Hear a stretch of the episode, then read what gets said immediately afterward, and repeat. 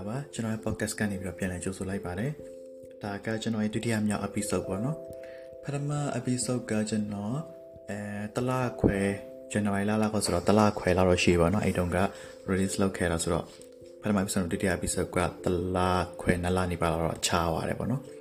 အာအဲဂျားထဲမှာကျွန်တော်ဒီအလုပ်အစ်စ်ပြောင်းသွားတဲ့အတွက်ကြောင့်မအလုပ်ရှုပ်နေရတယ်ပါတယ်ပြီးတော့ပြောချင်စရာအဲ့လို topic ကောင်းကောင်းဘယ်လိုမလဲအရင်စိတ်ဝင်စားဖို့ကောင်းတဲ့ topic လည်းမရှိနေတာလည်းပါတယ်ပေါ့နော်အဲဒါကြောင့်မပြောဖြစ်ဘူးအဲ့တော့ဒီနေ့တော့ပြောစရာရှိသွားပြီပေါ့နော်အဲ့တော့ပြောမယ်ပေါ့အဲဒီနေ့ပြောမယ့်အကြောင်းအရာပါလဲဆိုလို့ရှိရင်ကျွန်တော်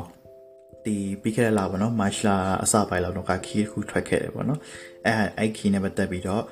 အာစိတ်ဝင်စားစရာကောင်းတဲ့အကြောင်းအရာလေးတွေရှိတယ်ပေါ့နော်အဲ့ဒါနဲ့ပတ်သက်ပြီးတော့အဲပြပြချင်တယ်ပေါ့နော်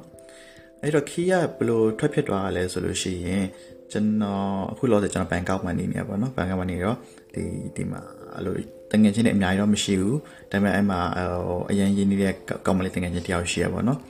သူကသူတငယ်ချင်းနဲ့မုံစားဖို့တွားတယ်ပေါ့နော်အဲ့တော့ like မလားဆိုတော့ကျွန်တော်လည်း okay like ခဲ့မယ်ပေါ့ဆိုရင် like တွား like တွားတော့အဲသူတငယ်ချင်းတွေကဒီအာမြန်မာတွေပြီးတော့ဒီ ID တမားတွေလည်းဖြစ်တယ်ပေါ့နော်အဲ့တော့ဘယ်လိုပြောမလဲအဲမြင်မြင်ဆန်ဆန်ခင်သွားတယ်ပေါ့အဲ့တော့သူတို့ကနေပြီးတော့အဲဒီတပတ်တနင်္လာရုံပိတ်တယ်ပေါ့နော်အဲ့တော့တောက်ကြဆယ်တင်းတွေတနင်္လာဆိုတော့ရုံပိတ်ရက်ကရှေးတယ်လို့ဖြစ်သွားတယ်ပေါ့နော်အဲဒါရုံတမိုင်းဆိုရင်တည်တယ်အဲ့လိုတနင်္လာတော့ရုံပိတ်တယ်ဆိုရှင်အဲခီးတွေထွက်လို့ကောင်းတယ်ပေါ့အဲ့ တော့လည်းခီးထွက်ကြမယ်လိုက်မလားဆိုတော့အဲလိုက်မယ်ပေါ့ဟိုဘယ်ဖြစ်ကျွန်တော်နေရတော့နေရတွေပါတော့မေးတာမဟုတ်ဘယ်ဖြစ်ရတယ်လိုက်မယ်ဘာလို့လဲဆိုတော့ဒီဘန်ကောက်ထဲမှာနေရဟိုစနေတင်းတွေဆိုရင်လည်းအဲဟို night out တွားလိုက်မုံစားလိုက် shopping center တွေတွားရုပ်ရှင်ကြည့်လိုက်နေအဲ့လိုပြင်းတယ်ပေါ့နော်ပြင်းလာတယ်ဒီမြို့ဟုတ်တနေရာနေတို့ဘာလို့တွားကြည့်ချင်တယ်ပေါ့နော်အဲပြီးတော့ဘယ်မှလည်းအရင်မရောက်ဖြစ်တယ်ဒီထိုင်းရောက်ကြတဲ့ကဆိုတော့ like မယ်ဆိုပြီးတော့ like တွား အာအဲ့လိုနဲ့ okay like မယ်ဆိုတော့ဒီအဲကားလက်မှတ်တွေပဲဝယ်ခီးတွေပဲစီစဉ်ကြပါတော့ပြီးတော့တဲစရာနေရာတွေပါလည်း booking လုပ်ပေါ့အားနဲ့တွားဖြစ်တယ်တော့ပြီးတော့ကျွန်တော်တို့တွားမယ့်နေရာကပါလဲဆိုလို့ရှိရင်သူကအာအဲ့နေရာကျွန်တော်အဓိကသွားမယ့်နေရာရွာရွာပေါ့နော်သူမြို့တော်မဟုတ်ရွာအဲ့နေရာအဲ့ရွာကသူကအာပီလော့ပီလော့လို့ခေါ်ရပါတော့အော် sorry သွားမယ့်နေရာရွာနာမည်ပီလော့မဟုတ်ရွာနာမည်ကပန်အီတောင်လို့ခေါ်ရပါတော့ အာမြန်မာတွေကအဲ့ဒါကိုပန်အီတောင်လို့ခေါ်ကြတယ်ပေါ့နော်ကျွန်တော်ဒီမှာတော့ပန်အီတောင်လို့ပဲခေါ်ရမယ်နော်อืมအဲ့ပန်အီတောင်ဘယ်မှာရှိရလဲဆိုလို့ရှိရင်ဒီကန်ချနာဘူရီကန်ချနာဘူရီနားမှာပေါ့နော်ကန်ချနာဘူရီအဲသူဒီထိုင်းနိုင်ငံရဲ့ဒီဘယ်လိုမလဲဒီမြို့နယ်ပိုင်းဖွဲ့စည်းပုံကမြန်မာနဲ့ဆင်တယ်ဆင်တယ်ဆိုတော့ကျွန်တော်ဒီကန်ချနာပူရီပြည်နယ်အာပြီးရင်ပါပါလဲဆိုတော့အဲအောက်မှာမှဒီထောင်ပါပုံဆိုတဲ့ခရိုင်ရှိရပါတော့ အဲထောင်ပါပုံဆိုတဲ့ခရိုင်အောက်မှာမှနောက်ပြီးတော့ခရိုင်ခွဲထပ်ပြီးတော့ခွဲတာအဲ့ဒါကိုပီလော့ခရိုင်ခွဲပေါ့နော်အဲ့လိုပုံစံမျိုးပေါ့နော်အဲ့တော့ကျွန်တော်တို့သွားမဲ့ဟာကအဲ့ပီလော့ခရိုင်ခွဲထဲမှာရှိတဲ့ဒီရွာတရွာပေါ့ကျွန်တော်ထင်တယ်အဲ့ P-lock ဆိုတဲ့ဒီခရိုင်ခွဲထဲမှာ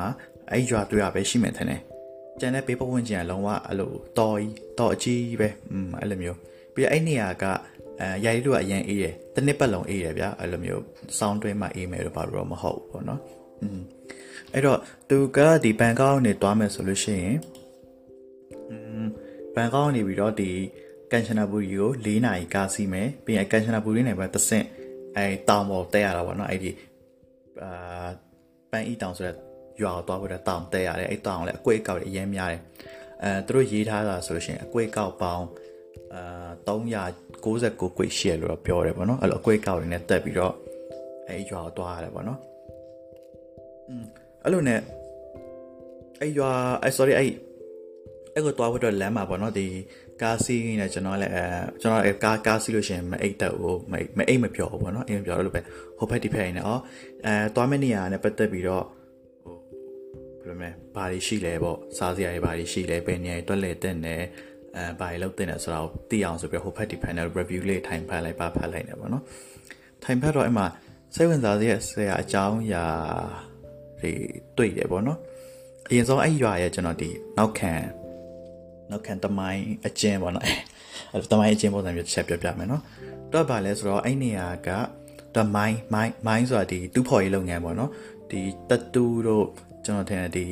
တန်ဖြူတို့ဘာလို့အဲ့လိုမျိုးတူးတာထင်တယ်ပေါ့နော်ဒီမိုင်းဒီတူးဖော်ရေးလုပ်တဲ့အာနေရာပေါ့နော်အဲ့ P-lock ဆိုတာအာအဲ့နေရာကအဲ့ကျွန်တော်သွားမဲ့ရွာအဲ့အဲ့အဲ့အဲ့အဲ့သူ့ဖော်ရေးနဲ့နိပတ်လည်မှာရှိတဲ့ရွာတရွာပေါ့อืมအဲ့တော့သူကအဲ့မှာကျွန်တော်ဖတ်ဖတ်ကြည့်ရတော့ဆိုဗာရေးထားရဲဆိုတော့သူက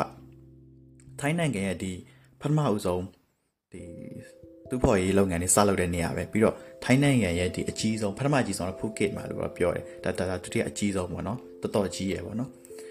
အာအဲ့တော့ရေရတခုကဘာလဲဆိုတော့အဲ့နေရာမှာအဲ့လိုမျိုးတွင်းထွက်ပစ္စည်းတွေရှိတယ်တဘာတွင်းထွက်ပစ္စည်းတွေရှိတယ်ဆိုတာကိုစတင်ရှာဖွေတွေးရှိတာကထိုင်းနေမဟုတ်တော့မြန်မာတွေမြန်မာတွေအဲ့နေရာကိုရှာဖွေတွေးရှိတာအဲ့လိုတွင်းထွက်ပစ္စည်းရှိနေရဲဆိုတော့ဘယ်လိုလဲဆိုတော့အဲ့နေရာကမြန်မာနဲ့အရန်ကိုမှဆက်နေတယ် ဟိုတနင်္လာရီတိုင်းနဲ့ဆက်နေတာပေါ့နော်ဒီဖះတုံးဆိုပါလို့ねအဲ့ဒါလည်းလုံးဝနေဆက်နေဆက်နေဆက်ရွာလေးပေါ့အဲ့တော့မြန်မာတွေကလည်းအဲ့လိုမျိုးအာခိုးဝင်ခိုးဝင်ပြီးတော့ဒီဒီ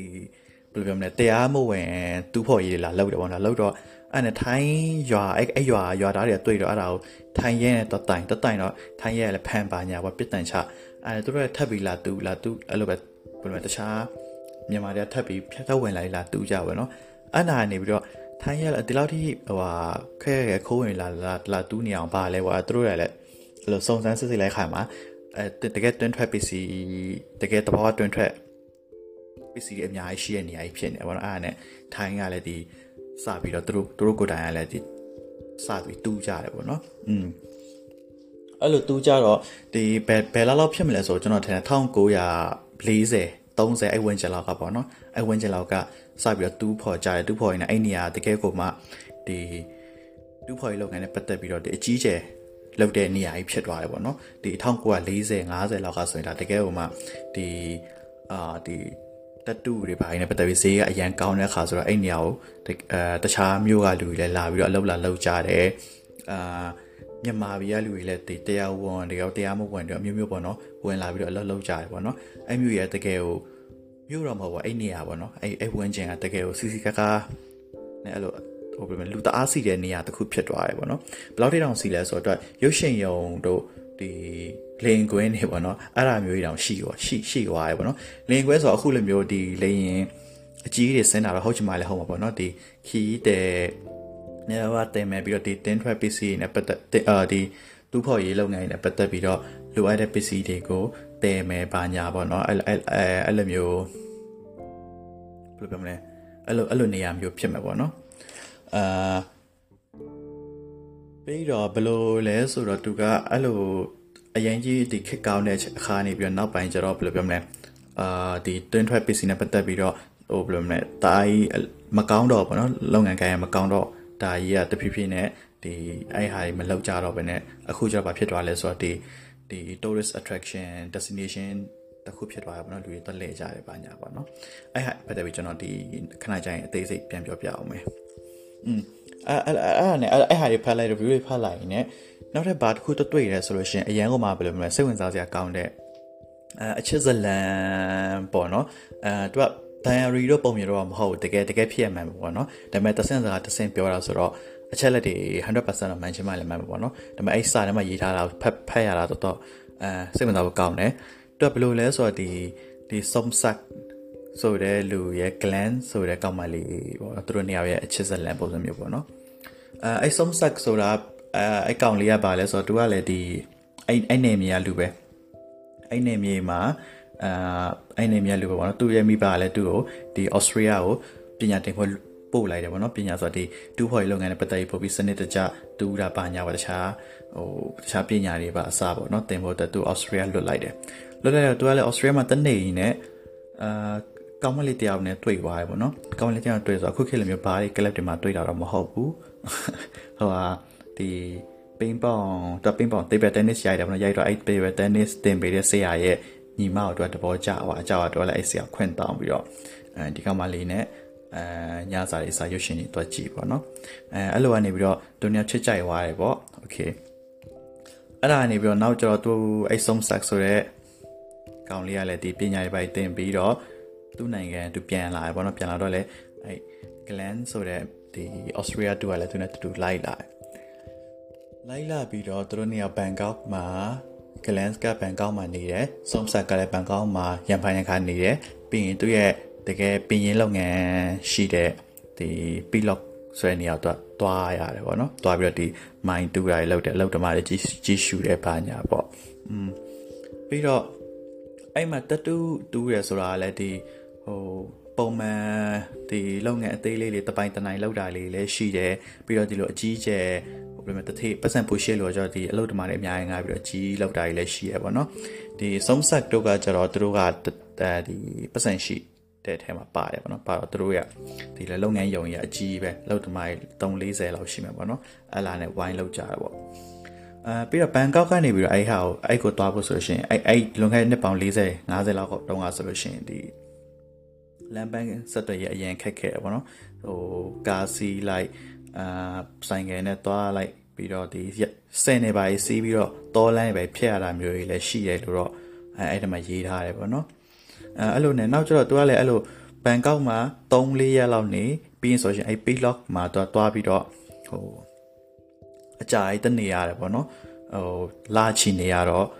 အာသူ့မိမနဲ့လည်းသူ့ရဲ့အမျိုးသမီးပေါ့နော်သူ့ရဲ့အမျိုးသမီးနဲ့လည်းခဏခဏမတွေ့ရဘူးပေါ့နော်အဲ့နဲ့နောက်ကျတော့လည်းဒီအာဒီ Glen ကဒီဘန်ကောက်မှာမနေတော့ဘဲနဲ့သူ့ယောက်ျားရှယ်နေအောင်သူက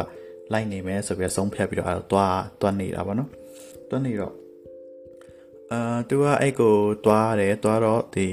အဲ့ဒီနေရာတော့ရရောက်ချင်းပဲသူကအဲ့နေရာကိုအရန်တဘောကျသွားတယ်ပေါ့နော်ဒီတဘာဝပတ်ဝန်းကျင်တွေနဲ့ပြီးတော့အရန်ကမှစိန်လန်းဆိုပြေးတယ်ရာရီတို့ကောင်းတယ်အဲအားနဲ့ပတ်သက်ပြီးတော့သူကအရန်တဘောကျသွားပြီသူကအဲ့မှာပဲနေတော့မယ်ပေါ့နော်သူယောက်ျားကိုပြုစုပြုစုဆောင်ရှောက်ရင်အဲပြီးတော့အဲ့အဲ့ရွာထဲမှာရှိတဲ့ကလေးတွေကိုသူကအအင်္ဂလိပ်စာသင်ပေးနေအဲ့မှာပဲနေမယ်ဆိုပြီးတော့သူကဆုံးဖြတ်လိုက်တာပေါ့နော်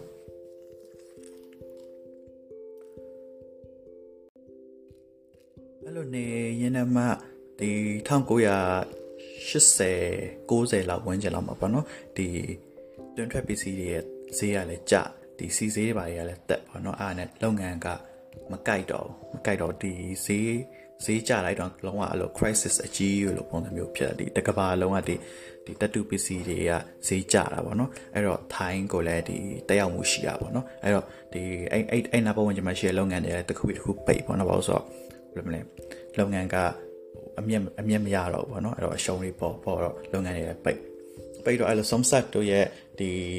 ဒီတက်တူဖို့ရေးယုံကြီးရလဲပိတ်ပိတ်လိုက်ရတယ်ပေါ့နော်ပိတ်လိုက်ရတော့ तू ကလည်းအဲဆုံးဆက်က तू ကအဲ့အဲ့နေရာတော့ तू အရန်အရန်ချစ်တာပေါ့နော်ဘာလို့ဆို तू ငယ်ကလေးကကြီးပြင်းခဲ့တဲ့နေရာပြီးတော့ဒီအလုပ်တမိုင်းနဲ့ तू ကလည်းအရန်ကိုတိုင်အောင်စိရှိတယ်ပေါ့နော်ရှိတော့အဲ့နေရာရုပ်တော့ပိတ်လိုက်ရတော့အလုပ်တမိုင်းတွေ तू ကလာခကလည်းမပေးနိုင်တော့ဘူးအာဒီစားဖို့တောက်ဖို့လောက်ပဲ तू က ပေးပြီးတော့သူတို့ထပ်ပြီးတော့နေခိုင်းတယ်ပေါ့နော်တကယ်တော့လက်ခိုက်ပဲလည်းမပေးနိုင်တော့ဘာလို့ဆိုတော့သူကိုတိုင်ကလည်းဝင်ဝင်မရှိတော့ဘူးပေါ့နော်အဲ့တော့သူကအဲ့ဒါကိုအဲ့နဲ့ပတ်သက်ပြီးတော့လည်းစိတ်ဓာတ်တွေကြာကြာတော့အာအသက်ကလည်းကြီးလာပြီပေါ့နော်ကြီးလာစိတ်ဓာတ်တွေကြာကြာပြီးတော့ဒီဆေးရုံတွေပဲတင်လာရတဲ့အဆင့်ဖြစ်သွားတယ်ပေါ့နော်အဲ့တော့ဘန်ကောက်မှာဆေးရုံဆေးရုံလာတက်ရတယ်ဘန်ကောက်မှာဆေးရုံတက်ပြီးတော့အဲတူဝင်းမလည်းလိုက်လာပြီးတော့သူ့ကိုလာပြီးတော့ကြီးစုဆောက်ရှောက်တယ်ပေါ့နော်ပြုစုတယ်အဲ့လိုကနေပဲနောက်ဆုံးတော့လည်းသူက အဲဘယ်လိုမှမရတော့သူကဆုံးသွားတယ်ပေါ့နော်အဲ့ဒီဒီစိတ်စိတ်ကြောင့်ပေါ့နော်ဒီစိတ်စိတ်ဆင်ရဲမှုတွေတန်နေကြောင့်သူကနောက်ဆုံးမခံနိုင်တော့ဆုံးသွားတယ်ပေါ့နော်ဒါပေမဲ့သူကမဆုံးခင်မှာသူကသူ့မိမကိုသူ့ရဲ့အမျိုးသမီးဒီ glance ကိုသူကဘာပြောလဲဆိုလို့ရှိရင်ဒီသူသူ့ရဲ့အလုပ်တမားတွေကြီးကြီးဆူဆော့ရှော့ပေးပေါ့နော်သူတို့ရပြစ်မတွားနဲ့ပေါ့နော်သူတို့တွေနဲ့သူနေပေါ့ဘာညာပေါ့အဲ့လိုသူမာသွားတယ်ပေါ့နော်သူ့ရဲ့အလုပ်တမားတွေ ကိုကြီးဆူဆော့ရှော့ဖို့မာသွားတယ်မာသွားတော့အဲ glance ကလည်းအဲ့ဒါကိုအဲဘယ်လိုမလဲလုပ်ပေးပါမယ်ဆိုပြီးတော့ဂရီးပေးပြီးတော့အဲ့လိုသူ့ယောက်ျားလည်းဆုံးသွားတယ်ပေါ့နော်ဆုံးသွားတော့အဲ glance ကလည်းသူ့ယောက်ျားဆုံးသွားတာကိုသူကဒီသူ့ရဲ့နိုင်ငံတော့မပြန်ဘူးမပြန်မနဲ့ဒီဆုံးဆက်ကိုသူ့ရဲ့သူ့ရဲ့အမျိုးသားကိုပေးခဲ့တဲ့ဂရီးတိုင်းပဲသူကဒီ pilot ကိုပြန်သွားပြန်သွားပြီးတော့အာတယောက်ကြောက်ပေးခဲ့တဲ့ဂတိအတွက်ရအောင်တည်မယ်ဆိုပြီးတော့အဲ့နေရာသွားပြီးတော့သူက အာတနေတယ်တနေနေဒီဘာဖြစ်လဲဆိုတော့ तू ကအရင်ကသူ့ယောက်ျားကို तू ပြစ်စုဆောက်ရှောက်ဝယ်အတွက်နေခဲ့တာကိုเนาะနေခဲ့ပြီးတော့ဒီဒီတက်ပူထော်ရေးလုပ်ငန်းတွေပတ်သက်ပြီးတော့ဘာမှလည်း तू ကမသိဘူးမသိတော့ဒီယာယူတော့ဘလို့ဒီလုပ်ငန်းရေးဘလို့ဘလို့ set run မှာလဲပေါ့နော်ပြီးတော့ तू အဲ့ဒါမသိတဲ့ပြင်ခုနပြောသလိုပဲဒီတက်တူလုပ်ငန်းတွေအလုံးမဖြစ်တော့ဘူးပေါ့နော်အဲ့တော့ तू ကဘာလုပ်လဲဆိုတော့ तू ရဲ့ကျွမ်းကျင်တဲ့အရာနဲ့ तू က လောက်မယ်ပေါ့နော်သူပါ join လဲဆိုရှင်သူကဒီမုံတွေပါလောက်တာ join နေဟင်းချက်တာကြီး join နေပေါ့နော် join တော့သူအဲ့ချိန်မှာသူကတယောက်ကြောက်သူကဟိုတယောက်ကြောက်ပေးထားတဲ့ဂရိတီချင်းဒါတီချင်းတဲ့အတွက်ကြောင့်ပေါ့ဗျာသူကစူးစမ်းရပါဘယ်လိုစူးစမ်းလဲဆိုရှင်သူကအဲ့နေရာကိုအဲ့ဒီအဲ့ဒီ paylog ဆိုတဲ့နေရာအရန်လာပါတော့အရန်လာတော့ဒီနေရာကိုဒီ tourist တွေဒီခီးတွားတွေလာလဲဖို့အတွက်သူကနေရာဖြစ်တော့ပြောင်းလဲမယ်ဆိုပြီးတော့စလောက်တယ်ပေါ့နော်စလောက်တော့သူကအဲ့ သူတို့ရဲ့ဒီလုပ်ငန်းယုံအကြီးရောပေါ့နော်အဲ့တော့သူကပြန်ပြန် renovate ပြန်လုပ်တာပေါ့နော် renovate ပြန်လုပ်ဆိုပါလဲဆိုတော့ဒီဒီတတူတူဖော်ရေးလုပ်ငန်းပစ္စည်းတွေပါအားလုံးသူကလည်းအကုန်ထုတ်တာဖြစ်လို့ tension တွေပါလို့လုပ်ပြီးတော့အဲ့ပစ္စည်းတွေထားတဲ့ခံကိုသူကအိတ်ခံလို့ပုံစံမျိုးတွေလုပ်လုပ်ပြီးတော့သူရဲ့အဲ့အဲ့ယုံရောဒီယုံကိုဒီ home stay ဆိုပြီးတော့ပြောင်းလိုက်တာပေါ့နော်ပြောင်းပြီးတော့သူကဒီ package လို့ပုံစံမျိုးလုပ်ပြီးတော့ဒီ ပြန်ဆွဲဆောင်ပေါ့နော်ခီးသွားတွေကိုဘယ်လိုလဲဆိုတော့သူအဲတယောက်ကိုစားရပါဥမာတယောက်ကို1000အဲတရက်ကိုပေါ့နော်တရက်ကို1000အဲထမင်းသုံးနဲ့ကျွေးမယ်ပြီးရင်ဒီပတ်ဝန်းကျင်မှာရှိတဲ့အဲလာလာတဲ့နေရာပဲလိုက်ပို့ပေးမယ်ဆိုတဲ့ပုံစံမျိုးနဲ့ပေါ့နော်သူအဲ့လိုဆွဲဆောင်ဆွဲဆောင်တယ်ပြီးတော့သူရဲ့အရင်ကဒီတတူးလုပ်ငန်းလုပ်တော့ကအာရှိခဲ့တဲ့အလုပ်တမားတွေကိုလည်းအလုပ်ပြန်ပေးနိုင်တယ်ပေါ့နော်ပြန်ပေးနေအဲ့နေရာကိုသူကသွေးဖြည့်နေဒီအာဘယ်လိုမလဲစီပွား ဖြစ်သွားတဲ့နေရာပုံစံမျိုးဖြစ်အောင် community ပြန်ပြီးတော့တည်ဆောက်တာပေါ့နော်အဲ့လိုပုံစံမျိုးဖြစ်သွားအဲ့တော့သူ့ယောက်ျားကိုတည်ချင်သူ့ယောက်ျားကိုပေးထားတဲ့ကတိကိုတည်ချင်တဲ့စိတ်ကြောင့်တော့ကျူးစားရင်းနဲ့ဒီဒီလိုဖြစ်လာတယ်ပေါ့နော်အာအဲ့ဒါကြီးကိုကျွန်တော်အာဖတ်ပြီးတော့ဘယ်လိုပြောမလဲဟိုလမ်းသွားရင်းနေပေါ့နော်ကျွန်တော်အဲ့ခီးသွားရင်းနဲ့လမ်းမှာအဲ့ဖတ်ပြီးတော့ဟာလို့မိုက်တယ်ပေါ့နော်ဘယ်လိုပြောမလဲခုအခုအခုခေတ်လိုမျိုးဆိုလို့ရှိရင်ဗျာကျွန်တော်တို့ပြတ်တာပြုတ်တာအရန်လွယ်နေတဲ့အချိန်မှာပေါ့နော်အဲ့ဟာကြီးဖတ်လိုက်ရတော့ ဟိုစိတ်ထဲမှာအရန်ဟိုမှာဟိုကြည်နူးသွားတယ်ပေါ့နော်ကြည်နူးသွားပြီးတော့အခုကိုသွားမယ်ခီးရလဲအဲပို့ပြီးတော့ဘယ်လိုလဲအတိတ်ပဲရှိလာတယ်ပေါ့နော်အဲအဲ့လိုမျိုးခံစားရတယ်ပေါ့နော်อืมကျွန်တော်တခုပြောဝဲကြံခဲ့တာအဲ့ Andy အဲ့အခုတော့ Andy ဖြစ်သွားပြီပေါ့နော်အဲ့ Glen ဆိုတဲ့အမျိုးသမီးက သူ့ရဲ့နာမည်ကြီးတာပါလဲဆိုတော့သူကဒီ cake သူ့ရဲ့ cake ကအရင်နာမည်ကြီးတယ်အရင်ဆောက်လို့ကောင်းတယ်ပေါ့နော်အဲ့တုန်းကလူခီးတွားတွေပါတွေကပြောပြပြောပြောကြတာပေါ့နော်အဲ့ကတည်းကသူ့စီမှာတတဲလူတွေကဒီသူ့ရဲ့ cake ကအရင်ကောင်းတယ်ပါညာပြီးတော့သူ့ရဲ့ barbecue ပေါ့နော်သူကညညဖက်ရဆိုရှင်ဒီအဲ့တဲ့ view အကင်တွေပါနေအဲခံတာပေါ့နော်အဲ့တော့အဲ့ဒါသူ့ရဲ့အဲ့ cake တို့အကင်တော့ပါတော့အရင်နာမည်ကြီးရပေါ့နော်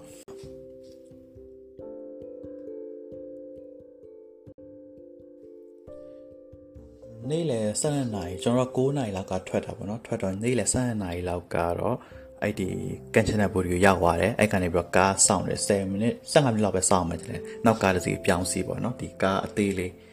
အာဘာလိုင်းကားလို့ခေါ်မလားအဲ့လိုလိုင်းကားအသေးစီးပြီးတော့အဲ့ကျွန်တော်တွားမယ်ဒီအာပန်းအီတောင်ဆိုတဲ့ရွာကိုဆက်သွားပေါ့နော်အဲ့ကိုတွား2နာရီခွဲလောက်ကြာတယ်ပေါ့နော်လမ်းကအဲ့လိုအကွက်ကောက်တယ်အရင်များတယ်အရင်များတော့ဟိုခေါင်းမူးတယ်ပေါ့နော်ကျွန်တော်စိတ်မအံ့အောင် မနေထိန်းထားရတာပြီးတော့ဖုံတွေလည်းရှိတယ်တချို့တချို့နေရာတွေဆိုရင်ဖုံတွေရှိတယ်ဒါပေမဲ့ဖုံရှိတဲ့နေရာဆိုရှင်ကာတမာတိတခိုင်းပါကိုတခြားလာပိတ်ပေးရပေါ့နော်အဲ့တော့အရင်ကြီးတော့ဟိုတော့ဘယ်လိုလဲခက်ခက်ခက်ခဲတော့မဟုတ်ဘူးပေါ့နော်အဲ့တော့ကျွန်တော်ပန်းအီတောင်ကိုအာနှစ်နိုင်နှစ်နိုင်သုံးနိုင်လောက်ဟုတ်တယ်နှစ်နိုင်သုံးနိုင်လောက်မှကျွန်တော်ရောက်သွားတယ်ရောက်သွားတော့ကျွန်တော်တို့ခဏနားပါညာပြီးတော့အာပိုက်စားတော့နေ့လယ်စားရပါစားကြပါတော့ စားကြပြီးတော့ညနေရောက်ကျော်ကျွန်တော်တို့ဈေးသွားကြတယ်ဒါပေမဲ့ဈေးသွားတော့ကျွန်တော်မလိုက်ပါဘူးမလိုက်တော့ကျွန်တော်ပင်ပန်းလို့ဆိုခဏဒီမှာနားအောင်မယ်ဆိုပြီးတော့အဲကျွန်တော်တဲတဲ့နေရာမှာကျွန်တော်ကြံခဲ့တာကြံခဲ့တယ်ကျွန်တော်ဘိုက်ထပ်စားလာစားလာကျွန်တော်ရှေ့ကျွန်တော်အိမ်ကျွန်တော်တဲတဲ့နေရာရှိတဲ့တဲမှာဗျာဒီကိတ်မုံဆိုင်ရှိတယ်အဲကိတ်ရေကိုကော်ဖီတော့လည်းမရောင်းတာပေါ့နော်အဲ့ဒါကျွန်တော် okay ပေါ့ဟိုစားစရာစားစရာလည်းအဲ့ဒါပဲရှိရဆိုအဲ့တော့ဝယ်ဝယ်တော့အဲ့အန်တီအန်တီတယောက်ပုံတွေ့တယ်ဗျာအန်တီတယောက်ပုံချိန်ထား အာဒီနိုင်ငံခြားတူဝန်ဒီအားနဲ့ချက်အောင်ကျွန်တော်ကြည့်လာတော့အာဒါကျွန်တော်ခုနဖတ်ထားတဲ့ story ထဲ anti လားမသိဘူးပေါ့နော်အဲ့ဒါနဲ့ကျွန်တော်ကြည့်ကြည့်တော့အဲကိတ်ကိတ်ရောင်တဲ့ anti ကိုကျွန်တော်မေးကြဒါဘာတူလဲပေါ့ဟိုကျွန်တော်ဖတ်ပြီးတဲ့ anti glance လာမသိဘူးဆိုပြီးတော့ကျွန်တော်လည်းပြောတော့ဟုတ်တယ်ဟုတ်တယ်တဲ့အာတူပဲတဲ့ပြီးတော့သူအခုဒီမှာရောင်းတဲ့ကိတ်ကလည်းအဲ့ anti ရဲ့ကိတ်ပဲပေါ့နော်အာဒီ သူကဒီအဲ့အန်တီစီမှာအဲအဲဘယ်လိုမလဲအကူအနေနဲ့လှုပ်ဖူးရပါလှုပ်ဖူးတော့ဒီသူရဲ့ကိတ်ကိတ်လှုပ်တဲ့ပညာတော့တင်လာတယ်ပေါ့တင်လာအဲ့အဲ့ကိတ်နဲ့တပုံစံနဲ့ပဲတော့ဒီမှာပြန်ရောင်းတာပေါ့နော်အဲ့လဲကျွန်တော်လည်းအရင်ကအန်အော်ပါဟိုကိုဖတ်ထားတဲ့ story တွေကကိတ်ကိုစားတော့မယ်ပေါ့နော်အဲ့ဒါနဲ့အရင်ပြောပြီးကိတ်ကို3ခုလိုက်4ခုလိုက်မျိုးလို့မှာပြီးတော့စားစားတော့စားကောင်းတယ်ဒါပေမဲ့စားကောင်းအောင်ထက်ပြဒီဘယ်လိုပြောမလဲကိုအရင်တဘောကြတဲ့ story တွေက ကိတ်ကိုစားရတယ်ဆိုရယ် feeling ပေါ့နော်အဲ့ဒါကြီးကပို့ပြီးတော့ဘယ်လိုပြောမလဲ meaningful ဖြစ်တယ်ပေါ့อืมအဲ့ဒါနဲ့ပြီးတော့သူ့အဲ့ anti အကြောင်းဆက်မေးကြည့်တော့တော့ဗာလဲဆိုတော့သူသူ့ရဲ့အဲ့ anti ဖွင့်ထားတဲ့ဒီ som sak သူအရင်ဆုံး sub mining ပေါ့နော်အဲသူယောက်ျားနာမည်နဲ့ဖွင့်ထားတဲ့ဒီဒီတတူတူပေါ်ရေးလုပ်ငန်းပေါ့နော်အဲ့ဒါနဲ့သူက home stay ပြောင်းလိုက်တော့ Somsat home stay ဆိုပြီးဖြစ်သွားတယ်ပေါ့နော်အဲ Somsat home stay ကကျွန်တော်တို့ရဲ့ P-lock နဲ့ဆိုလို့ရှိရင် oh sorry ကျွန်တော်တို့ရဲ့ဒီပန်းအီတောင်နဲ့ဆိုလို့ရှိရင်တနိုင်လောက်ထက်နိုင်ဝက်တနိုင်လောက်ထက်သွားရတယ်ပေါ့နော်ပြီးတော့အခုကတော့မဖွင့်တော့ဘာလို့မဖွင့်ရလဲဆိုတော့ဒီအဲဒီ gland anti gland ကဟိုဟာကျမအရင်မကောင်းတော့တော့အာယူခဏပိတ်ထားပြီးတော့သူ့ရဲ့သူ့သားနဲ့ဒီဘန်ကောက်မှာတွတ်နေတယ်ပေါ့နော်အနကိတ်ပဲစားပြီးဟိုမီတီမီနဲ့ပြီးတော့ကျွန်တော်ပြန်လာတယ်ပြန်လာတော့ညနေပိုင်းရောက်တော့ကျွန်တော်ကဟိုဒီကျွန်တော်ဖွဲ့ဈေးတွားကြတယ်ပေါ့နော် ဈေးတွားရတယ်သူကအဲ့ရွာမှာဈေးကတော့တစ်ခုပဲရှိတယ်ရွာကလည်းအရင်ကြီးသူကကျဲတော့ကျဲအိမ်ကတစ်ခုတစ်ခုကျဲနေတာပေါ့နော်ဒါပေမဲ့လူကြီးရဲ့အရင်မများကျွန်တော်ထင်တယ်ထောင်ချီထောင်လောက်မရှိဘူးတဲ့900 900လောက်တောင်ရှိမလားမသိဘူးဟိုအိမ်ချေကအရင်နေတယ်อืมအဲ့တော့အဲ့အဲ့ဈေးဈေးရဲ့ပုံစံလဲမိုက်တယ်ဘယ်လိုလဲဆိုတော့သူကအလဲမှာဗျာဒီပေ900 300ပတ်လဲအဲ့လိုကန်ကန်ပေါ့နော်ရေကန်တစ်ခုရှိရဲ့ အဲ့ကန်ပတ်ပတ်လဲကိုထရန်အိမ်လေးတွေပေါ့နော်ထရန်အိမ်လေးကဝိုင်းတာဝိုင်းတာဆိုလို့တမင်သက်သက်ဝိုင်းတာမဟုတ်သူတို့လူတကယ်လူနေတဲ့အိမ်လေးပေါ့နော်အဲ့အိမ်တွေကဝိုင်းတာဝိုင်းထားပြီးတော့ညနေပိုင်းအဲ့လိုမောင်းလာပြီးဆိုရှင်သူကမီးလေးတွေဖွင့်မီးအိမ်လေးမီးအဝါလေးဖွင့်ဖွင့်တော့အဲ့နေရာအရန်ကုန်မှဟိုကြည့်လို့ကောင်းတယ်ဗောနော်နေဝင်တဲ့အချိန်ရသူတို့ရဲ့မီးလလတေးသေးလေးရယ်อืมပြီးတော့အဲ့မှာအဲဘာတွေရှိလဲဆိုလို့ရှင်ဒီနာမည် ဘယ်လိုမျိုးလဲကိုရီးယားကားတွေထဲမှာလည်းအဲ့လိုအသွဲတွေနာမည်ရေးရေးပြီးတော့အဲ့လိုတော့တွေပါပုံစံမျိုးလေးအဲ့လိုမျိုးတွေချိတ်ပေါ့နော်အဲ့ဒါအဲ့ဒါမျိုးတွေလည်းရှိရပေါ့နော်อืมဈေးကသူဈေးကတော့အရင်အကြီးတော့မဟုတ်ဘူးဒါပေမဲ့ထူးခြားတာပါလဲဆိုတော့အဲ့ဈေးမှာမြန်မာအစားအစာတွေအစုံရတယ်အစုံတော်တော်စုံစုံရတယ်ဟိုလက်ဖက်တုပ်တို့ပြီးတော့တခြားမြန်မာပြည်မုံကျွတ်တို့ကွက်ကအုပ်တို့ပြီးတော့အဲ့ဈေးထဲမှာအကုန်ရပါတော့ဆိုတော့မြန်မာနဲ့အရင်နီးတာပေါ့နော်နီးတော့အဲ့ကနေဝင်တဲ့ပစ္စည်းတွေဖြစ်ဖို့များတယ်ပေါ့နော် ပြီးတော့အဲ့ရွာကထိုင်းတွေကလည်းဒီမြန်မာစကားပြောတတ်တယ်ဟိုဒီကျွန်တော်တို့မျိုးမြန်မာအကျွမ်းကျင်ပြောရတာမဟုတ်ဘူးတိုင်းမဲ့ဟိုတော်တော်ဟိုပြမယ် communication လုပ်လို့ရတဲ့အဆင့်တွေကိုပြောတတ်တယ်ပေါ့နော်အဲ့ဒါကျွန်တော်အဲ့ဒါစိတ်ဝင်စားအဲ့ထပ်ပြီးရှာရှည်ပြီးတော့မေးကြဘာလို့မြန်မာလိုပြောတတ်နေရလဲပေါ့နော်ပြောပြတော့ပြောပြတာအရင်ကဒီခုနပြောတဲ့ဒီတတုလုပ်ငန်းအရင်ကမှဟိုဖွင့်ဖြိုးတဲ့အချိန်တော့ကျွန်တော်မြန်မာတွေအများကြီးလာလောက်ကြရပေါ့နော်လာလောက်ကြတယ်လာလောက်တော့ နော်သူတို့သားသမီးတွေပါဒီမှာမွေးတယ်ပေါ့နော်တော့အိမ်ထောင်ပဲပြုတ်ကြတယ်ထိုင်းနေပဲအိမ်ထောင်ပြုတ်ပြီးတော့အဲ့လိုမွေးလာတဲ့ကလေးတွေဒီ mix တွေဖြစ်မှာပေါ့နော်အဖေကထိုင်းအမေကမြန်မာ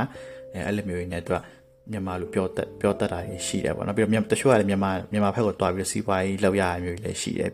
မြန်မာရင်းနဲ့ဟိုပြောဆိုဆက်ဆံနေရဆိုတော့မြန်မာလိုကတက်တက်တက်ထားတဲ့နေဆိုပြီးတော့သူတွေတက်မြန်မာမြန်မာလိုပြောတတ်တယ်ပေါ့နော်ကျွန်တော်တို့တဲတဲ့ home stay ကအအန်ဒီဆိုတဲ့တော့မြန်မာ သူ့ရဲ့အမျိုးသားကထိုင်းအဲရွာထဲမှာအဲ့လိုပတ်ကြည့်နေကျွန်တော်တို့ညစာအတွက်အကင်တွေပါဝယ်တယ်ငါးကင်တော့ပါတော့အာပြီးတော့မုကထိုင်ပါ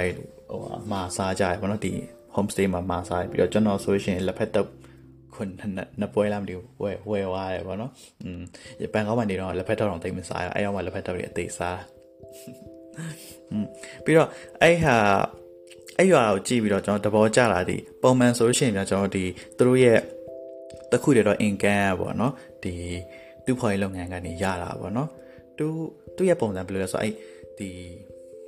ဒီကျွန်တော်တို့တွားတဲ့ပန်းဤတောင်ကလို့တောင်ထိပ်မှာသူကတောင်ထိပ်မှာတည်ထားတဲ့ရွာလေးပေါ့နော်အဲတူးဖော်ရေးလုပ်ငန်းတွေကကျတော့ဒီတောင်အောက်မှာတွားပြီးတူးဖော်ကြတူးဖော်ပြီးတော့တကယ်လို့တို့ကအဲ့လိုညနေပိုင်းအလုံနာတယ်အလုံစင်နေပါညာဆိုလို့ရှိရင်ဒီ တောင်ပေါ်ပြန်တက်လာပြီးရွာမှာလာပြီးတော့အဲစားကြတယ်တောက်ကြတယ်အပန်းဖြေကြတယ်ခုနပြောတဲ့ရုပ်ရှင်အောင်ရှိတော့ရုပ်ရှင်တွေပါကြည့်ရင်လည်းကြည့်ကြမှာပေါ့နော်အဲအဲ့လိုမျိုးပေါ့နော်အဲ့တော့အဲ့ရွာသူတို့ရတခုထီတော့ဘယ်လိုပြောမလဲဒီဈေးဝယ်တဲ့နေရာပါညာအကုန်ဖြစ်တော့ပါအဲ့တော့အဲ့ရွာရအရန်ကိုစီကာခဲ့တယ်ပေါ့နော်ဒါပေမဲ့ခုနပြောသလိုပဲဒီတတုဈေးပဲကြာပါညာတတုလုပ်ငန်းလည်းဘယ်သူမှမလုပ်တော့အခုဆိုရင်ဘယ်သူတစ်ခုမှတော့မရှိတော့ဘယ်သူမှမလုပ်တော့မလုပ်တော့သူရဲ့ income ကမရှိတော့ဘူးလေနော်မရှိတော့ဘယ်လိုနေကြမှာလဲပေါ့နော်ကျွန်တော်ဖတ်ဘူးတာတခုဆိုလို့ရှိရင်ဒီ ဂျပန်မှာလည်းအဲ့လိုမျိုးခက်ဆင်ဆင်ကျွန်းတစ်ခုရှိတယ်အဲ့ကျွန်းဆိုရင်လည်းအဲ့လိုမျိုးသူကအဲ့လိုသူ့ဖွာရေးလုပ်ငန်းရင်းနဲ့အရင်အဆင်ပြေခဲ့တယ်နောက်နောက်ပိုင်းအဲ့လုပ်ငန်းအဆင်မပြေတော့အဲ့နေရာယူဘယ်သူမှမနေတော့အဲ့ကျွန်းကြီးကလုံးဝဟိုဘယ်လိုမလဲဟိုတရေကျွန်းလိုပုံစံမျိုးဖြစ်သွားတယ် Ghost Iceland ကျွန်တော်ထင် Hashima လားပါလား Hashima Iceland ထင်တယ်အဲ့လိုပုံစံမျိုးဖြစ်သွားတယ်ပေါ့နော်ဒါပေမဲ့ဒီဟာကြီးကဟိုအဲ့ဟာမရှိတော့မှခုနပြောတဲ့ဒီဟိုနောက်ထပ် income တစ်ခုရအောင်သူကပြောင်းပလိုက်တော့အခုဆိုရှင်ကျွန်တော်ထင်တယ်သူတို့ရဲ့အဓိက income တွေအဲကနေပဲသူက income ရရပေါ့နော်ခုနပြော glance ကစပြီးတော့ဟိုလောက်လိုက်တဲ့အရာကြီးရပေါ့နော်ဒီလို community တစ်ခုအသက်ဝင်ဝမ်းကြောင်းတစ်ခုလို့ပုံစံမျိုးဖြစ်သွားတဲ့အထိကိုဖြစ်သွားတယ်ပေါ့နော်အဲ့ဒါဟိုတော်တော်တော်ပေါ်ကြဖို့ကောင်းတဲ့အဲ့နေရာကြီးရပြီးတော့အဲ့မှာကတစ်ခုကမှလဲဆိုတော့ဒီအာဟိုကမရှိဘူး hotel လို့တဲ့ခံလို့မရှိဘူး homestay တွေပဲရှိတယ် homestay ဆိုရင်ဘာနဲ့တူလဲဆိုလို့ရှိရင်ကျွန်တော်တို့ဒီ အာရွာသွားလဲလဲပြီးတော့ဟိုအမျိုးကြီးမှာတဲတယ်ဗောနော်အဲ့လိုပုံစံမျိုးဟိုတော့အဲ့လိုတဲခန်းလိုမျိုးကြီးစနစ်တကျလောက်ထားတာမျိုးမဟုတ်ဘူးဒီသူတို့အိမ်ပဲဗျာအဲ့အိမ်ဟိုမှာအခန်းနှစ်ခန်းသုံးခန်းပုံနေရမျိုးတွေရှိမယ်တော့မတခန်းတည်းဆိုတော့ကန့်လိုက်တာမျိုးတွေရှိပါအဲ့ဒါကမှဒီဧည့်သည်နေဖို့အတွက်ဆိုတော့ပေးတယ်သူစမှရှိတဲ့ဆောင်းတွေကောင်းနေနေပဲအာကိုကနေရတယ်ဗောနော်ဒါပေမဲ့တစ်ခုကောင်းတာပါလဲဆိုတော့အာ nutritory ဖြစ်တယ်ဗောနော်ဟိုဟို အိမ်အိမ်ရှင်နဲ့ကွာရင်းရင်းနှီးနေရပြီးတော့ကျွန်တော်သိတဲ့လောက်ဆိုလို့ရှိရင်အဲထိုင်းနိုင်ငံရဲ့အဲ့လို tourist destination အများစုကဒီ hotel တို့တက်ခံလို့မရှိဘူးဒီ home stay ပဲအဲ့ဒါ government ကိုတိုင်ကအဲ့ဒါကိုဟိုလို force လုပ်ထားလို့ကျွန်တော်ကျွန်တော်ထိုင်းနိုင်ငံချင်းတယောက်ပြောပြခုပဲ။ဘာလဲဆိုတော့သူကဥပမာပြကျွန်တော်ကလောတော့ဘာလို့ဆိုရှင်အရန်ကမှလွန်ခဲ့တဲ့နှစ်ပေါင်း oh sorry လွန်ခဲ့တဲ့9နှစ်6နှစ်လောက်ကစပြီးတော့လူတွေအရန်တွက်လဲကြရပါတော့။တွက်လဲတော့ဘာဖြစ်လဲဆိုလို့ရှင် ဒီတခြားမြို့ကထားပြီးတော့ရန်ကုန်ကလို့ဖြစ်မှာပေါ့နော်အဲ့ကတထေးတယ်လာပြီးတော့ hotel ပဲကြီးကျယ်စောက်လိုက်တယ်စောက်ဆိုင်ပဲစောက်လိုက်တယ်ပေါ့နော်စောက်လိုက်တော့ဘာဖြစ်သွားလဲဆိုလို့ရှင်ဒီမြို့ဒီကလောမြို့ရစီကားလာတယ်ဒါပေမဲ့အဲ့စီကားလာလာတဲ့လာတဲ့အမြဒီဝင်ငွေတွေများလာအဲ့ဒီဝင်ငွေတွေကိုဒီကလောကလူတွေကမခံစားရဘဲနဲ့ဒီခုနပြောတဲ့ hotel ပဲလာစောင့်လူတွေကအကုန်မဝါဆိုလို့ဖြစ်တာပေါ့နော်အဲ home stay ကျတော့ဘာဖြစ်လဲဆိုတော့အဲ့ဒီနေခံကလူတွေပဲသူတို့အိမ်ပဲသူတို့ပြန်ပြီးတော့ဟိုဧည့်သည်တွေနေဖို့အတွက်ပေးတယ်ဆိုတော့အဲ့ကနေရတဲ့ income တွေကသူတို့သူတို့သူတို့စီပဲပြန်ဝင်တယ်ပေါ့နော်အဲ့အဲ့တော့အဲ့ home stay idea ကြီး idea တော်တော်မိုက်တယ်သဘောကျတယ်ပေါ့နော်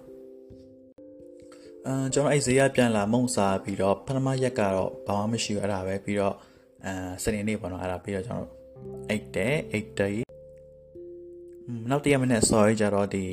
ဈေးသွားတယ် အဲမနေ့စားစားတယ်အဲပြီး coffee လေးပါလေးတောက်ပေါ့နော်အစားတောက်ကတော့ကျွန်တော်တို့ဟိုအရင်ထူးထူးခြားကောင်းနေရဆိုတာမျိုးကြီးတော့မစားမိလိုက်ဘူးတေချာလည်းမစီစဉ်တာလည်းပါတယ်ပေါ့နော်ဒါပေမဲ့ဟိုအစားတောက်ထက်ဒီသူ့ရဲ့ပတ်ဝန်းကျင်ကအရန်တာရနေတာရာကြီးတို့အရန်ကောင်းနေတာဒီဟိုကြည့်ပြီးတော့ဘယ်လိုလဲတန်တယ်ဘောနော်အဲ့ကိုသွားရတာဒီအစားတောက်ကောင်းအောင်မစားရတဲ့အဲ့လိုအဲ့လိုအဲ့လိုဖြစ်တယ်อืมကျွန်တော်ကျွန်တော်တို့ခုနပြောမနက်စားပြီးတော့ကျွန်တော်ဖျားသွားတယ်ဖျားသွားပဲပြီးတော့အာဒီပြတိုက်ပြတိုက်ကတော့ဗာလဲဆိုတော့ ဒီအရင်တတူလုပ်ငန်းနဲ့ပတ်သက်ပြီးတော့အာလုပ်ခဲ့တဲ့ပစ္စည်းတွေဘာတွေကိုအဲ့လိုပြန်ပြရတယ်ပေါ့နော်အဲ့ပြတိုက်သွားတယ်ပြီးတော့ကျွန်တော်ကူတွားမလို့တိုင်မဲ့အဲ့နေ့ကတော်မီလောင်တယ်ကျွန်တော်တွားမဲ့အချိန်မှာတော်မီလောင်တော့ကျွန်တော်ကူမတွားလိုက်ရအောင်อืมအဲ့ဒါကျွန်တော်ပဲဆက်သွားလဲဆိုလို့ရှိရင်အာထိုင်းမြန်မာနဲ့ဆက်တော့အဲ့မျိုးအဲ့ရွာထိုင်းမြန်မာထိုင်းမြန်မာနဲ့လုံးဝဆက်နေတယ်ဒါပေမဲ့အဲ့လိုလုံးဝမြန်မာထဲမြန်မာဘော်ဒါထဲထိကို ဝင်ဝင်လို့ရတဲ့နေရာတွေရှိတယ်အဲ့နေရာကိုကျွန်တော်တွားကြတယ်ပေါ့နော်တွားကြတော့သူကအဲထိုင်းမြန်မာနဲ့ဘော်ဒါအဲ့လိုမျိုးဘယ်မှာခြားထားတာကြီးอ่ะဟိုထူးထူးခြားဟိုလိုမျိုးကြီးဘာမှတူတူရှားကြီးခြားထားတာမျိုးမဟုတ်ဒီတိုင်းဥပမာကျွန်တော်ပထမတလန်နှစ်လန်သုံးလန်တတိယလန်ဆိုတာမြန်မာထဲရောက်သွားပြီအနောက်တလန်ပြန်ဆိုထိုင်းထဲကိုပြန်ဝင်လာပြီအဲ့လောက်ထိကိုကတ်တာပေါ့နော်ဟိုကျွန်တော်ကိုရီးယားရဲ့ဟို DMC zone လို့ပုံစံမျိုးပေါ့ဟိုဒီဘက်မြင်နေရတယ်ပေါ့နော်อืมအဲပြီးတော့တခုထူးခြားတာဒီဘက် ထိုင်းဘက်ကဒီတရားအဲ့လို gate gate အဆောင်မရှိဘူးမြန်မာဘက်ကတော့အဲ့လိုဒီအိမ်အိမ်အိမ်တေးသေးလေးလောက်ထားရပါတော့အဲ့ထက်မှာသူတို့မြန်မာစစ်သားတွေကစောင့်နေကြတယ်အဲ့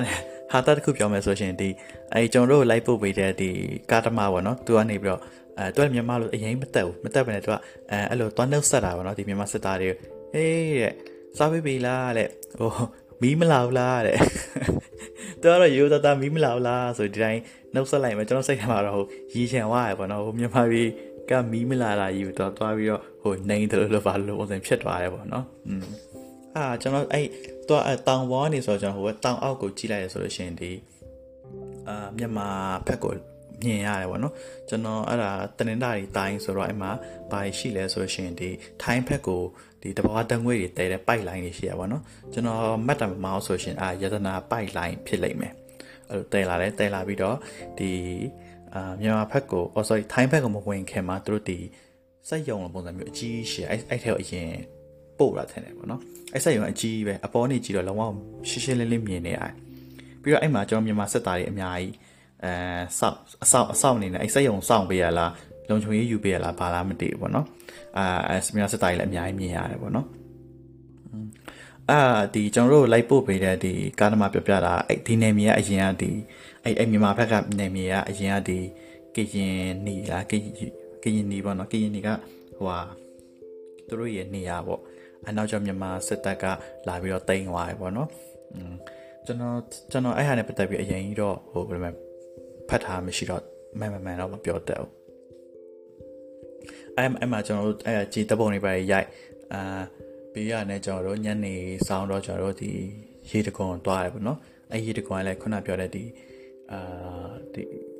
အဲ့ပိုင်းတောင်ကနေဝေးတယ်နိုင်နိုင်ဝက်လောက်ကာမောင်းရတယ်ပေါ့နော်ကာမောင်းပြီးတော့အဲ့ရေတကွန်ရောက်သွားတယ်ရေတကွန်ကလာတယ်လာအဲ့ထူးခြားတစ်ခါပါဆိုအဲ့ရေတကွန်နာမည်ကထိုင်းနာမည်မဟုတ်မြန်မာနာမည်ဟိုဟာ သူကြောက်ကတင်ဟုတ်တယ်ကြောက်ကတင်ရေးတကွန်ဆိုပြီးတော့ပြဒါပေမဲ့အင်္ဂလိပ်လိုရေးထားပါတော့ K Y O R K ကြောက်အဲ့လိုပုံစံမျိုးရေးထားอืมဒါပေမဲ့ထိုင်းနေထိုင်းနေကတော့ကြောက်ကတင်လာမသိအဲ့လိုအဲ့လိုပုံစံမျိုးခေါ်တယ်အမရေးတကွန်မှာအဲ့လိုရေးကူလိုက်တဲ့ပုံရိုက်လိုက်ပါညာဘောထုံးစံအတိုင်းအတ္တနဲ့အဲညနေပိုက်စားတော့ဈေးထဲမှာသူဈေးထဲမှာပြန်သွားပြီးတော့ညစာစားတယ်ပေါ့နော်သူကအဲ့လိုစားတာတောက်တာပတ်တိုင်အဲ့အဲ့ဈေးနာပတ်ဝန်းကျင်မှာပဲစိုင်းနေရရှိတာရှိတော့အမထူးခြားတာပါလဲဆိုလို့ရှင်စိုင်းနေအများစုကဒီစီဖူရောင်းတယ် အထူးဆန်းတဲ့တော့တောင်ပေါ်ကြီးမှာဗျာဟိုစီဖူးကပေါ်များနေရဆိုတာလေအဲ့နဲ့မေးကြီးကျွန်တော်ဆက်ဆက်စုပြန်ပြီပေါ့နော်ဘာလို့စီဖူးတွေများနေရလဲပေါ့နော်ဘာလို့ဆိုတောင်ပေါ်ကြီးမှာတောင်ပေါ်ကြီးမှာဟိုတိတ် make sense မဖြစ်ဘူးပေါ့နော်တော့ဘာလို့လဲဆိုတော့ဒီခုနပြောတဲ့မြန်မာဘက်ကိုဝင်လိုက်ဆိုရင်တနင်္လာရီတိုင်းမှာရှိတဲ့ဒီပင်လယ်တို့ဘာလို့နဲ့ဒီမှာပေါ့နော်အဲ့ကနေပြီးတော့စီဖူးတွေတဲလာအဲ့တော့မြန်မာဘက်ကစီဖူးကိုထိုင်းဘက်ကိုပြန်တဲလာပြီးတော့ရောင်းလာပေါ့နော်အဲ့လိုပုံစံအဲ့ကြောင့်အဲ့နေရာမှာစီဖူးတွေအများများနေတာပေါ့အဲ့နဲ့ညဆဆာပြီးတော့လည်း อืมဟိုဘယ်လိုပြောမလဲတော့ရွာဆိုတော့ဘာမှလည်းအရင်သွားစရာလည်းမရှိဘူးပေါ့နော်မရှိရလို့ဒီ home stay ပြန်ပြီးတော့အိတ်ပေါ့အာနောက်ရက်နောက်ရက်လည်းအစောကြီးထားမှာဆိုတော့အာစောစောအိတ်ကြပါနော်အိတ်ကြပြီးတော့နောက်ရက်အစောကြီးကျွန်တော်9နိုင်လောက်လာပြီးထားထားပြီးတော့အာကာစီပြီးတော့ကန်ချနာဘူရီကိုတွားကန်ချနာဘူရီကနေပြီးတော့တဆင့်ဒီ express guide တွေပြန်စီပြီးတော့ဘန်ကောက်ထဲကိုပြန်ဝင်လာပါတော့ အဲ့တော့အဲကျွန်တော်ဒီမတွားခင်တော့ဖတ်ခဲ့တဲ့ review တွေအတိုင်းပဲအဲအဲ့နေရာကိုတွားပြီးဆိုရှင်ပြန်သွားလာဆိုလို့ရှင်အဲ့နေရာကိုဟိုလွမ်းတယ်လို့လို့ဖားလို့ဖြစ်ဖြစ်ဖြစ်နေတယ်ပေါ့နော်အဲကျွန်တော်တို့လည်းအဲ့လိုမျိုးဖြစ်တယ်ပေါ့နော်ဘာလို့ဆိုဟိုမြို့ပါဗျာဟိုအေးအေးလေးပေါ့နော်ဒီကလောတို့တောင်ကြီးလို့ပုံစံမျိုးရိုက်တီးတူကပြီးတော့ paper layer ကလည်းဟိုဟိုမြို့ကြီးတွေအိမ်အကြီးလေးပေါ့အားလုံးထရန်အိမ်လေးတွေဆိုတော့ဗျာဟိုတမျိုးလေးပေါ့နော်အဲ့နေရာလေးကနေရှင်စရာလေးပေါ့ကျွန်တော်ဆိုရရောက်ချင်းဆိုရဟာဒီနေရာမိုက်တယ်ပေါ့နော်မီးလည်းရတယ် ဟိုရွာဆိုရင်ပဲဗျာတက်နဲ့ရှင်းရှင်းလည်းရှိတယ်မီးတွေလည်းမှန်တယ်ပြီးတော့ wifi လည်းကောင်းတယ်အဲ့တော့ဟိုအဲ့မှာပဲတပတ်လောက်လောက်လောက်ဝိုင်းကောင်းမလားတော့စဉ်းစားမိသေးတယ်อืมအဲ့တော့အဲ့လိုကောင်းတယ်တော်တော်တော်တော်ဘယ်လိုလဲအတွေ့အကြုံ experience ကောင်းတဲ့ trip တစ်ခုပဲပေါ့နော်อืมပြီးတော့ခုနပြောတဲ့စိတ်ဝင်စားစရာတမိုင်းအကြောင်းတွေလည်းရှိတယ်ဆိုတော့လေအာနောက်တစ်ခုကဒီမြန်မာအငွေးတက်လေးတွေလည်းရှိရပေါ့နော်ခုနပြောသလိုဒီ တချို့နေရာတွေဆိုလို့ရှိရင်ဒီခုနပြောတဲ့ရေတကွန်ဆိုလို့ရှိရင်ကြောက်ကတင်တို့ပြီးတော့တချို့နေရာတွေဆိုလို့ရှိရင်မြန်မာနာမည်လေးရေးထားတယ်ပြီးတော့တော့ထိုင်းစာတွေနဲ့ရေးထားရဆိုရင်တော့အဲထိုင်းစကားလုံးပေါ့ဗျာထိုင်း alphabet ကိုမြန်မာစကားလုံးနဲ့ဆင်အောင်တို့ကဒီဇိုင်းလုပ်ပြီးရေးထားတဲ့နေရာကြီးလည်းတွေ့ရတယ်ပေါ့နော်အဲ့တော့မြန်မာ influence တော်တော်များတဲ့နေရာလို့ပြောလို့ရတယ်အဲ့တော့ဘယ်လိုပြောမလဲဟိုအိမ်မြန်မာပြည်လွမ်းနေလို့ရှိရင်တော့နည်းနည်းပါးပါတော့အလွမ်းပြေသွားလိုက်မယ်ပေါ့နော်အဲ့တော့ဟိုအခွင့်အခွင့်ကြုံခဲ့လို့ရှိရင်တွက်လဲကြည့်ပေါ့နော်อืม ဘန်ကောက်နေဆိုရင်6နာရီလောက်ပဲကြာတယ်ပေါ့နော်อืม Okay အဲ့တော့ကျွန်တော်ရဲ့ဒီ trip နဲ့ပတ်သက်တဲ့ episode ကိုအဆုံးထိနားထောင်ပေးတဲ့အတွက်ကြောင့်မို့အာကျေးဇူးအများကြီးတင်ပါတယ်နောက် episode ကြရင်ပြန်ပြီးတော့တွေ့ကြမယ် bye bye